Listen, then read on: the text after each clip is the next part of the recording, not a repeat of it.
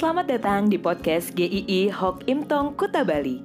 Penginjil Ray Reginaldi akan membagikan renungan harian singkat untuk membawa Anda mengenal dan menyembah Tuhan Yesus, bertumbuh dan menjadi murid Kristus, serta berdampak untuk banyak orang.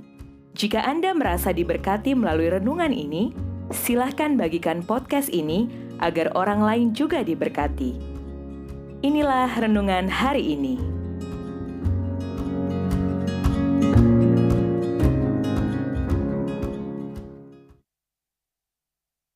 Berjalan bersama. Lukas 24 ayat yang ke-15.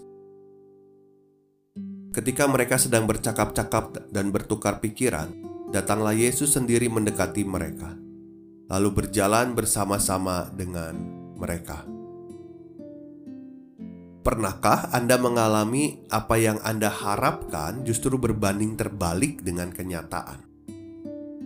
Kalau saya terka, pasti semua orang pernah mengalami itu, termasuk Anda. Bagaimana sih rasanya? Mengecewakan.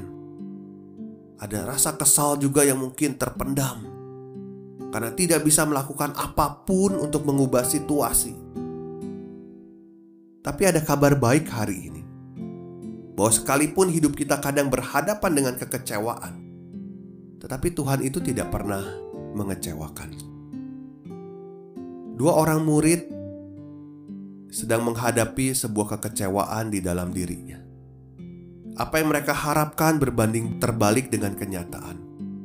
Mereka mungkin sudah melihat begitu banyak hal yang indah dan ajaib dari Tuhan Yesus. Mereka mendengar pengajaran yang luar biasa.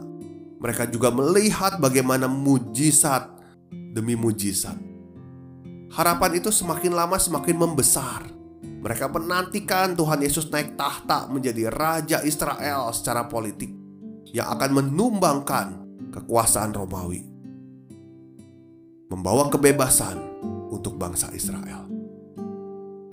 Tetapi semuanya itu menjadi buyar, hancur berkeping-keping ketika mereka menyaksikan Tuhan Yesus ditangkap, disiksa, tidak berdaya, tubuhnya hancur lebur, bahkan ending buat mereka yang paling menyedihkan adalah ketika Tuhan Yesus mati di kayu salib. Hancur leburlah semua harapan. Apa yang ada di pikiran mereka sirna. Bahkan sekalipun mereka mendengar dari para perempuan di hari ketiga Tuhan Yesus bangkit, mereka tidak dapat mempercayainya.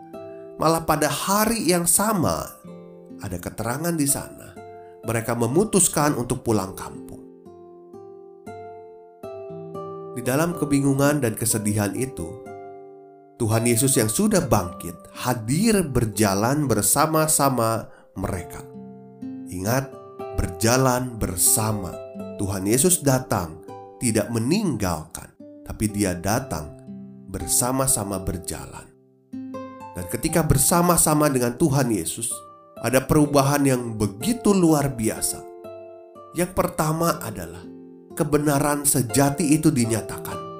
Mereka yang tadinya tidak bisa mempercayai kebangkitan Tuhan Yesus dibuat mengerti oleh Tuhan Yesus bahwa yang hadir di tengah-tengah mereka adalah Tuhan Yesus yang mereka anggap tadinya sudah mati, tetapi sudah bangkit sesuai dengan firman Tuhan, sesuai dengan nubuatan.